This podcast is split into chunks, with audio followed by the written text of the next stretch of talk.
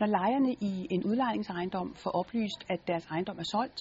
og at de har mulighed for at overtage ejendommen på andelsbasis, så er det vigtigt for de lejere, der bor i ejendommen, at tage kontakt til en advokat, som kan rådgive dem omkring de juridiske ting. De skal tage kontakt til en bank, der kan rådgive dem omkring den finansielle ting. Og så skal de tage kontakt til en ingeniør,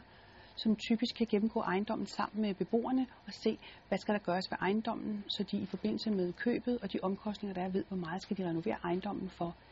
når de stifter andelsboligforeningen.